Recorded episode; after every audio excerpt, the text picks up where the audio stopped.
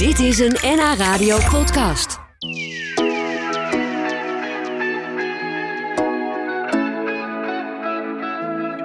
In veel boeken en films die gaan over de liefde. Hoe twee mensen elkaar vinden en dan de rest van hun leven gelukkig samen zijn. Of juist hoe die liefde overgaat. En dan zorgt voor heel veel ellende.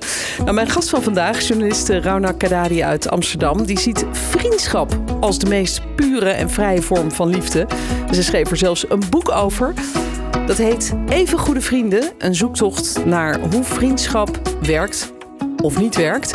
Vandaag is ze bij mij te gast. Welkom, Ja. Ranak. Leuk. Goedemiddag, dank Ja. voor de uitnodiging. Ja, je, je Ja. werkt ook bij de radio, hè? 's morgens in de vroegte op, Ja. eh, op Radio 1. Ja, Maar één dag in de week, hè? één dag in de week. Ja, mijn echte fulltime baan dat is eh, journalist bij het Parool. Ja, dus we kunnen jouw stukjes kennen uit de krant en jouw stem kennen van de radio. Zeker. En nu heb je ook een, eh, een boek geschreven, Je Eersteling. Hoe, hoe spannend is dat voor jou?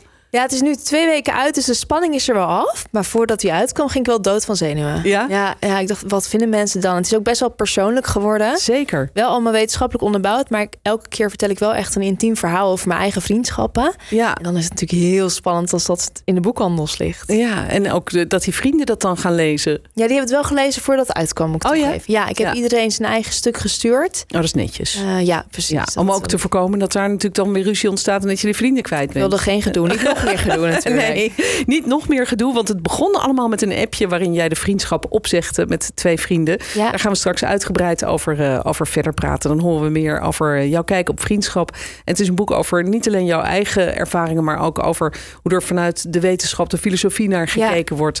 Dus een, eh, een boek over vriendschap, een belangrijk onderwerp. We praten er zo over verder. Is vriendschap een eerste levensbehoefte? En hoe kun je vriendschappen onderhouden? Of is het soms beter om een vriendschap uit te maken? Over deze onderwerpen schreef onze gast van vandaag, de Amsterdamse journalist Raunak Kadari, het boek Even Goede Vrienden. En vandaag is dus eh, bij ons. Welkom. Fijn dat je er bent. Dankjewel. Eh, een boek waarin je vanuit verschillende hoeken eigenlijk kijkt naar het fenomeen vriendschap. Vanuit eh, de filosofie, de wetenschap, ook veel persoonlijke verhalen van verschillende mensen. Maar het startpunt is jouw eigen verhaal. Een opmerkelijk verhaal, want je hebt zelf de vriendschap officieel opgezegd, verbroken met twee vrienden die je kende uit je studietijd. En dat deed je via een WhatsApp-berichtje. Ja. Het, het klinkt heftig. Waarom wilde je die vriendschap verbreken eigenlijk? Hij was heel verstikkend. Dus wij leerden elkaar kennen toen we stage liepen bij dezelfde krant. En dan heb je een soort van gedeeld leed, maar ook gedeeld plezier. En je weet allemaal wat je meemaakt. En toen hield die stage op en toen wilden we heel graag vrienden blijven, alle drie. En voor hen was een voorwaarde van onze vriendschap dat we elkaar elke week zouden zien, minimaal. Oh, En dat vond ik heel verstikkend. En elke week dat ik dan niet kwam opdagen, werd dat een ding. En we hebben het ook heel vaak heel expliciet benoemd. En we hebben het echt goed besproken ook met elkaar. Maar dat was voor hen eh, een vriendschapsnorm. Ja, dus jij kon niet zeggen van joh, eh, gaan jullie anders lekker samen elke Ja. week en dan kom ik één keer in de maand Nou, bijvoorbeeld. dat zei ik wel en dat deed ik Ja. ook. Maar dat zorgt wel continu voor frictie. En op een gegeven moment zat ik thuis en toen ging het er weer over. Toen waren we met elkaar aan het appen. En toen dacht ik, ja, ik wil dat helemaal niet meer. Nee. En toen heb ik geappt met, eh, ik kan die druk niet meer aan. Heel veel liefs. Dit was hem, deze vriendschap. En toen? Was, nou, het was die avond en de dag daarna een enorme opluchting. Omdat ik echt dacht van, hè, eindelijk geen verplichtingen meer die ik niet wil. En ik denk een dag later, ja, een dag later dat ik me echt heel verdrietig ook voelde. Want kan je eigenlijk een vriendschap wel uitmaken? Kan je dat wel maken, moreel gezien? Ehm, was het niet ontzettend arrogant van mezelf? Heb ik ze niet heel veel pijn gedaan? Want ik heb wel echt van ze gehouden al die tijd. Hebben zij gereageerd? Nee. Helemaal nee, niet. Nee, ik heb ze daarna ook nooit meer gesproken. Ik heb Oh. ze ook eh, nooit meer gezien. Eh, eh, nee, helemaal niks. Dat, dat is ook toch wel heel bijzonder eigenlijk. Denk je dat ze jouw boek gelezen hebben? Ehm, ze hebben sowieso gehoord dat het boek over hen gaat. Omdat wij nog wel mensen kennen die, eh, die we allebei kennen. Die we allemaal kennen. Eh, ik weet niet of ze het gelezen hebben. Maar het was voor mij ook helemaal goed. Het was juist heel fijn dat er niet ook een weerwoord kwam. Ja? Waar ik wel voor open stond. Maar het- dat appje heeft het voor mij afgesloten. Ja. Alleen toen begon voor mij een nieuw vraagstuk van ja, wat is vriendschap eigenlijk? En hoe Ja. moet ik een goede vriend zijn? Want ik heb ook vrienden waar ik wel heel veel aandacht aan wil besteden en waar ik het heel graag goed voor wil doen. Maar hoe ben ik eigenlijk een goede vriend? Ja, en, en wat betekent vriendschap? En, en, Precies. en het feit dat je die vriendschap met een appje beëindigde, Ja, dat, dat vond ik wel een ingewikkelde. Ik dacht, ja, ik weet ook niet hoe je het beter zou kunnen doen. Want eh, ja, in, het in iemands gezicht zeggen is misschien ook wel heel moeilijk. Maar daar heb jij zelf ook wel wat mee geworsteld, begrijp ik uit jouw boek. zeker. Ja, ik vond Ja. de manier waarop ook, ook best wel lastig. Ehm, ik, heb, ik heb in het boek heb ik een zoektocht gedaan naar wat vriendschap is, maar ook naar hoe ik zelf een betere vriend kan worden.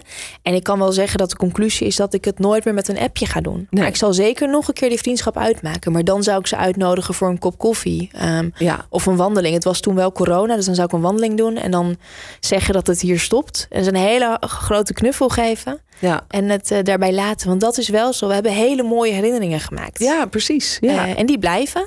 Maar het is ook wel ehm, zo dat het lijkt alsof iedereen die je ontmoet in je leven en met wie je vrienden wordt. We hadden het er net even toen de muziek op stond ook al over.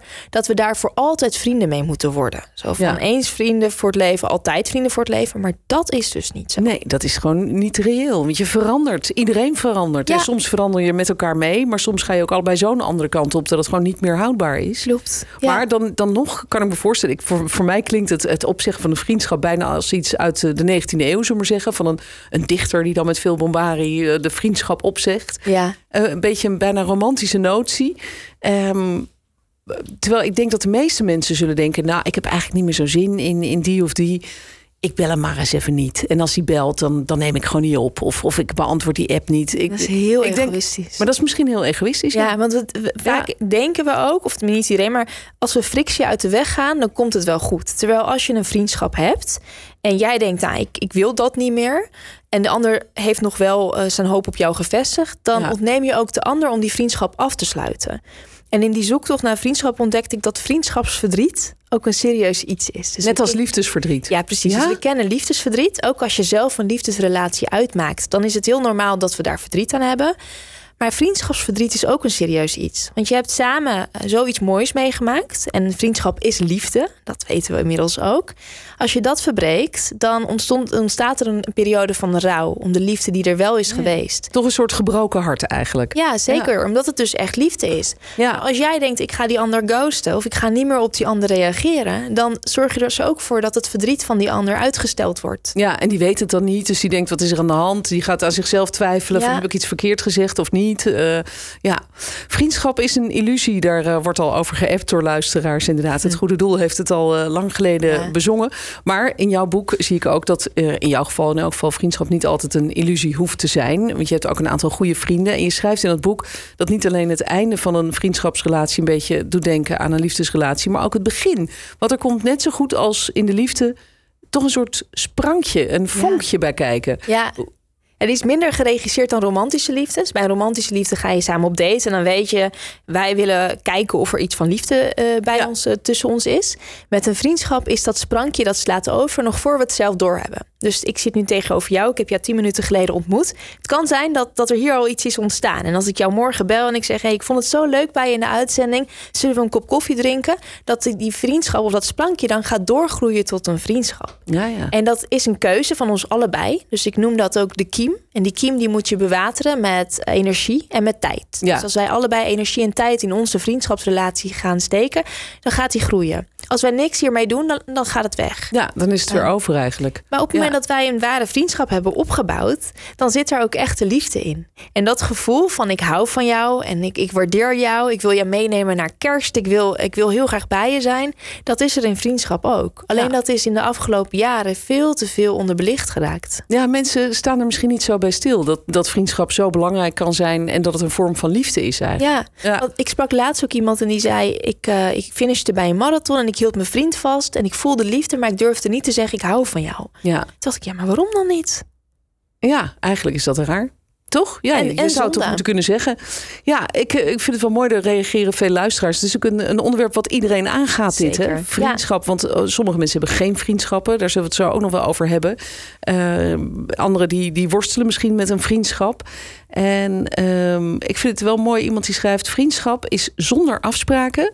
maar er is wel zijn voor elkaar intiem nodig. Dat is misschien wel een hele mooie, Ja. een mooie samenvatting. Zeker, al vind ik wel, en dat weet ik ook uit allerlei onderzoeken, dat we wel afspraken met elkaar moeten maken. Oh ja? Wat willen we van elkaar uit die vriendschap? En het mooie... Maar ga je dat ook van tevoren uitspreken? Ik, daar heb ik het nooit over met mijn vrienden. Nee, precies. Daar zit, ook, daar zit ook het probleem. Kijk, het mooie aan vriendschappen is dat er geen construct is. Dus bij eh, een liefdesrelatie weten we, we moeten af en toe daten. We hebben misschien af en toe seks met elkaar, samenwonen. Met vriendschap bouw je het helemaal zelf op. Dus we kunnen elkaar elke week zien. We kunnen elkaar elke dag zien. We kunnen elkaar één keer per jaar zien.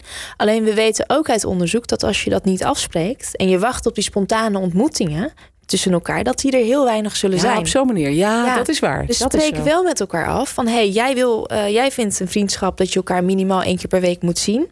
Ik vind dat niet. Maar hoe gaan we elkaar daarin tegemoet komen? Want ik hou wel van je. Ja. Maar ook. Je hebt wel wat geleerd van die, van die app-beëindiging van die Enorm. vriendschap. hè? Ja, het was, en door het eh, schrijven van dit boek natuurlijk. zeker. Je bent gewoon heel veel wijzer geworden. Eh, we praten er zo nog even over verder. En Renak, je vertelde net dat eh, die zoektocht eigenlijk begon op het moment dat jij eh, via WhatsApp een vriendschap met twee studievrienden had beëindigd. Ja, maar je vertelt sowieso veel over jouw eigen ervaringen met vriendschappen. Je klinkt alsof je een gezegend mens bent. Want hoeveel goede vrienden heb jij? zes. Nou, dat is mooi, toch? Ja, dat is fantastisch. Dat is veel. Ja, Ja, maar al die strugglingen die ik, of, al die eh, ja, strugglings die ik noem in het boek. ehm, ik heb nooit in mijn omgeving vrienden gehad die daar zo expliciet over spraken. Of mensen. Die zeiden van ik worstel met vriendschap. Of ik vind het lastig dat ik deze vriendschap heb. En dat is ook waarom ik in het boek zo heel eerlijk ben. Want ik kom er zelf echt niet per se heel goed uit. Maar omdat ik zo graag ook had gezien dat andere mensen ook moeite hadden met vriendschap. Dus toen dacht ik, nou als ik dit ga doen, ja. ga ik in ieder geval heel eerlijk zijn over alles. Dus ook over geldkwesties. Ook over ehm, bij wie ik wel figuurlijk naakt ben en niet. En met wie ik wel vrienden wil zijn of niet. ja, Zodat anderen ook kunnen zien van... hey, dat vriendschap, dat gaat helemaal niet vanzelf. nee, het is een werkwoord. Dat schrijf je ook in het boek. Zeker. Ja, Eh, je beschrijft ook dat er drie soorten vriendschappen zijn. Althans, eh, ja, dat is ook een, een, een theorie, zeg maar. Nou, dat heeft Aristoteles ehm, Ja. beschreven. ja. en eh, wat zijn dat dan voor, eh, voor drie soorten? Je hebt de ware vriendschappen. Dus die reizen ons hele leven met ons mee. Of in ieder geval door verschillende levensfases. Dan heb je de functionele vriendschappen. Dat zijn bijvoorbeeld de collega's of je buren. Dat zijn mensen die je ontmoet en waar je een eh, band mee ontwikkelt aan de hand van wat jullie samen hebben. Dus buren hebben een huis, eh, collega's hebben hun baan samen. En op het moment dat een van die dingen weggaat, dus het fundament, dus stel je hebt een andere baan of Ja, je gaat Je verhuizen, verhuist. Ja. ja. dan weet je niet of die vriendschap gaat bestaan en blijft bestaan. En vaak blijft die ook niet bestaan. Is ook helemaal niet erg. Nee. Maar op het moment dat die wel blijft bestaan, dus als je die vriendschapsproef overleeft, dan kun je spreken van een ware vriendschap. Ja, ja. als je- het niet meer alleen maar gekoppeld is aan eh, samen tennissen of samen eh, of naast elkaar wonen. En dan Ja. heb je nog de vriendschap gebaseerd op plezier. En dat is echt met de mensen waarmee je alleen maar lol maakt. En dat Ja. kan zijn met je leesclubje, dat kan zijn met je bootvriendengroep. Of Ja, maar dat kan ook een ware vriend zijn, toch? dat kan uitgroeien Een tot een ware vriendschap. Oh ja. En die, die test die vindt plaats op het moment dat het fundament wegvalt. Dus ik doe heel veel aan hardlopen. Ik heb best wel veel hardloopvrienden. Het is nog maar de vraag, als ik stop met hardlopen, of zij nog in mijn leven blijven. Ja. En dan begint de vriendschapsproef. Dus als ik stop met hardlopen en denk ik, ik ga morgen kickboksen, dan eh, weet ik zeker dat ik heel wat van die hardloopvrienden ehm kwijtraak. Ja, en dat die- is ook niet erg, want dat lees ik ook in jouw boek. Dat vond ik een interessant feitje. Om de zeven jaar wordt rond de 70% van een heel vriendschapsnetwerk vervangen. Ja, dus 70%, Ja. dat is echt veel. ja, maar die ware vriendschappen, die blijven vaak bij ons. Ja, ja. Maar die hardloopvrienden, ik noem het ook wel de, de, de voorvoegselvrienden. Dus die, die buren, de collega's die uitgroeien tot vrienden. Die worden vervangen met op het moment dat wij zelf ook doorgroeien en Ja. veranderen. Ja, en dan, dan is het op een gegeven moment ook een kwestie van keuzes maken. Want zeker Ja. als je jong bent, hè, jij bent rond de 30 volgens mij. 29, ja. 29, ja, dus rond de 30. Ja, eh, klopt. In een fase dat je nog eh, dat je, eh, van alles doet. Hè. Je Ja. hebt verschillende soorten werk, je bent aan het hardlopen, weet ik veel wat. Dan komen er ook heel veel mensen op je pad. En dan zou je dus heel veel nieuwe vriendschappen kunnen ontwikkelen. Maar eigenlijk, zeg jij in het boek, is het soms ook wel goed om een beetje op de rem te trappen. Zeker. En niet overal in te springen. Want dan krijg je op een gegeven moment weer die stress die jij hebt gehad met die vrienden van je studie. Dat je denkt, jeetje, het leven is al druk genoeg. Ja. Moet ik ook nog elke week met hun? Ja, en voor ware vriendschap heb je tijd en energie nodig. En dat zijn twee dingen waarvan dat zijn de enige dingen die, die we niet nog een keer krijgen in het leven. Dus Ja. eenmaal tijd uitgegeven, energie uitgegeven is weg. Ja, En dus je kan het maar één keer uitgeven. En aan wie ga je dat doen? Dus in mijn geval, ik wil heel graag tijd besteden aan mijn neefje. Die is een half jaar oud. Nou, daar wil ik een goede tante voor zijn. Je begint ook gelijk helemaal te stralen. Ja, ik snap happy. dat. Ja, tuurlijk. Ik wil een goede vriendin zijn voor mijn vriend. Ja. En ik wil eh, er zijn voor mijn ouders. En die vrienden die ik heb, dus die zes ware vriendschappen, daar wil ik mijn energie in steken. Ja. En dat kan op het moment dat ik niet tien ware vriendschappen heb. Want dan moet ik het gaan verdelen. Ja, dan kom je gewoon tijd tekort in een, in een leven. Zeker als je zo druk bent. Misschien dat dat anders is als je op een gegeven moment, ik zeg maar, met pensioen bent. Of eh, hè, dat je gewoon wat meer tijd hebt. Ja. Dan kun je daar weer meer aandacht aan geven. En je hebt voor het boek ook gesproken. Vind ik nog even tot slot belangrijk om te noemen. eh, met mensen zonder vrienden. Ja. Die zijn er ook. Mensen die ofwel uit vrije keuze. of omdat het nou eenmaal zo gelopen is. eh, geen vriendschappen hebben. Wat, wat vertelde zij jou? Ja, het is nooit een vrije keuze. We Nee? zijn als mens, zijn we, eh, is het een basisbehoefte om vrienden te hebben. Dat is iets wat we nodig hebben. We moeten gezien worden. Eh, we voelen ons verbonden. We willen ons verbonden voelen. En we weten ook dat mensen zonder vrienden fysiek en mentaal ongezonder zijn dan Oh ja? mensen met vrienden. Oh, Ja, ja, en toch gebeurt het dat mensen Ja. op een gegeven moment geen vrienden meer hebben. het is verschrikkelijk. Het was echt, ik ben naar een van die twee zelf eh toegeweest, naar zijn huis. Toen in Arnhem woont hij. En hij deed wel alsof hij ermee moest leren leven. Maar het was zo verdrietig. Hij doet ook drie keer per dag boodschappen. Alleen wat hij nodig heeft, haalt hij zodat hij aanspraak heeft in de supermarkt. Oh ja, ja. Als hij naar de huisarts gaat, dan is dat zijn aanspraak. Eh, hij kan op niemand bouwen. Hij zegt ook van ja, ik ben alleen. ja. En dat ehm, gun je niemand. Dat wil je ook niet. Nee, nee. nee dat, dat zijn schrijnende verhalen inderdaad. Ook Ja. te lezen in jouw boek. Een, eh, ja, een, een kijkje in het fenomeen vriendschap. Even goede vrienden heet het. Geschreven door Raunak Kadari. Zij was vandaag mijn gast. Dankjewel dat je hier was. Dank voor je tijd. Ja, en eh, heel veel succes met, eh, met het boek. Jouw, jouw eerste boek. Ja, het is mijn debuut. Gefeliciteerd. Dankjewel. Dit was een NH Radio podcast. Voor meer, ga naar nhradio.nl. Radio.